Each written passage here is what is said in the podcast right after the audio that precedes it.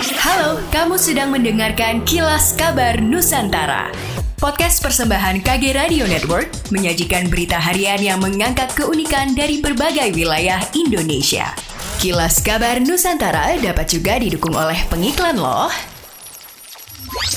Dalam memperingati Hari Jadi atau Adeging Pura Mangkunegaran yang ke-266 akan digelar secara meriah pada tahun ini. Adapun rangkaian acaranya seperti festival musik, kuliner Laras Hati Mangkunegaran, serta lomba lari Mangkunegaran Run in Solo. Sejumlah musisi nasional akan ikut meramaikan festival tersebut, antara lain seperti Ran, Marion Jola, Vina Panduwinata, dan beberapa musisi lokal lainnya. KGPAA Mangkunegara 10 mengungkapkan alasannya kenapa event ini ditajuk Laras Hati Mangkunegaran. Karena kita melakukan segala sesuatu harus selaras dan harapannya kita bisa mendapatkan keselarasan di momen ini, ungkapnya. Ia juga mengatakan kebudayaan adalah hal-hal lain yang perlu dijaga relevansinya. Salah satunya dengan cara membuat kebudayaan tetap dirasakan manfaat atau kedekatannya oleh masyarakat. Berbagai rangkaian kegiatan ini akan mencapai puncak pada Minggu 12 Maret 2023 mendatang.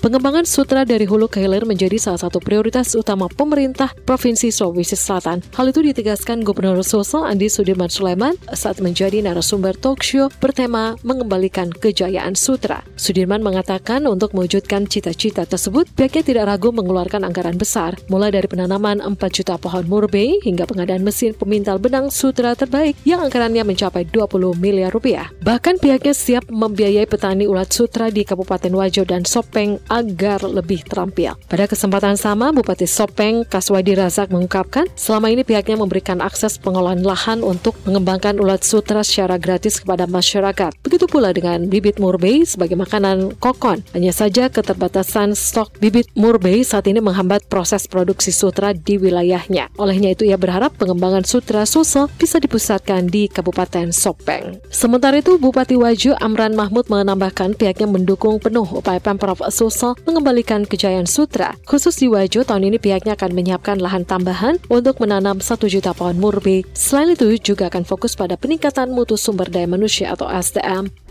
Demikianlah kilas kabar Nusantara pagi ini.